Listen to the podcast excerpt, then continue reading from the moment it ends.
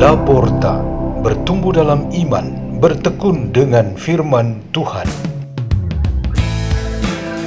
Radio Laporta, pintu terbuka bagimu untuk pertumbuhan pengetahuan dan kebijaksanaan tentang Allah.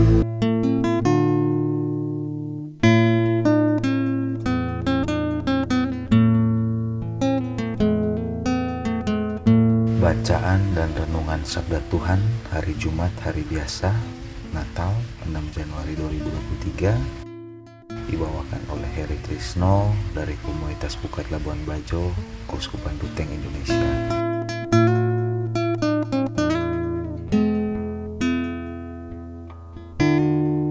Pembacaan dari surat pertama Rasul Yohanes bab 5 ayat 5 sampai 13 Saudara-saudaraku terkasih, tidak ada orang yang malahkan dunia selain dia yang percaya bahwa Yesus adalah anak Allah.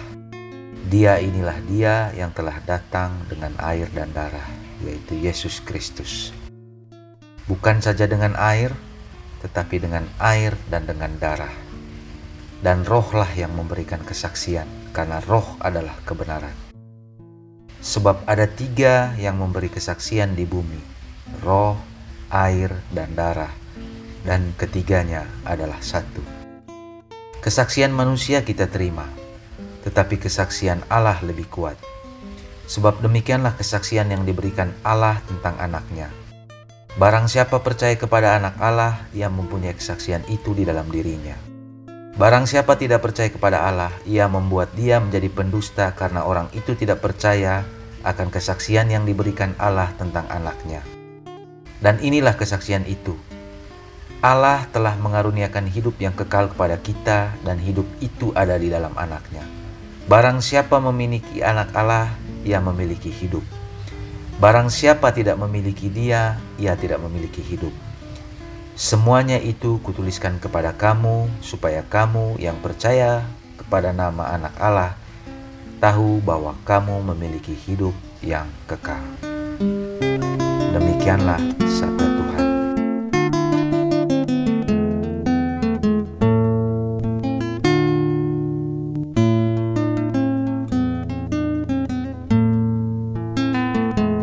Renungan kita pada hari ini bertema kesaksian roh, air, dan darah. Orang atau pribadi yang sangat penting dan terpandang berpeluang sangat besar untuk menjadi terkenal. Posisi, jabatan, dan tugasnya tentu saja menjadi alasan ia lebih gampang dikenal banyak orang. Karena posisi, jabatan, dan tugasnya itu, ia memiliki banyak kesempatan untuk berhubungan dan bertemu dengan banyak orang. Seseorang dengan martabat seperti ini memiliki suatu tugas yang melekat pada dirinya untuk mengungkapkan dirinya kepada publik. Halayak dan terutama semua orang yang berkepentingan dengannya berhak untuk mengenal dan berhubungan dengan dirinya.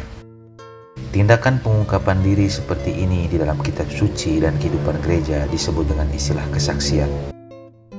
Orang tersebut mempunyai kewajiban untuk bersaksi tentang dirinya, terlebih-lebih karena semua hal berkaitan dengan posisi, jabatan, dan tugasnya itu. Adapun kewajiban lain yang melekat pada banyak orang yang mempunyai relasi dengan orang penting dan terpandang tersebut ialah kesaksian mereka tentang dia mereka menemukan di dalam dirinya suatu kualitas yang sangat pantas menjadi konsumsi publik. Orang banyak dapat belajar hal-hal baik dan benar dari orang tersebut. Hidup mereka diterangi dan dikuatkan oleh teladan hidup orang terkenal tersebut. Ia menjadi patokan atau pedoman hidup orang banyak. Di dalam bacaan-bacaan kita pada hari ini, Tuhan Yesus digambarkan sebagai pribadi yang menjadi fokus sebuah kesaksian Yohanes Pembaptis memiliki tugas untuk memberikan kesaksian tentang Yesus. Tugas itu ia peroleh dari Tuhan yang Maha Kuasa. Dari proses ia lahir ke dalam dunia sampai menjadi seorang nabi di tengah umat Israel, ia sepenuhnya bersaksi tentang Yesus Kristus Sang Mesias. Hari ini ia bersaksi tentang Yesus yang dibaptis oleh dirinya di Sungai Yordan.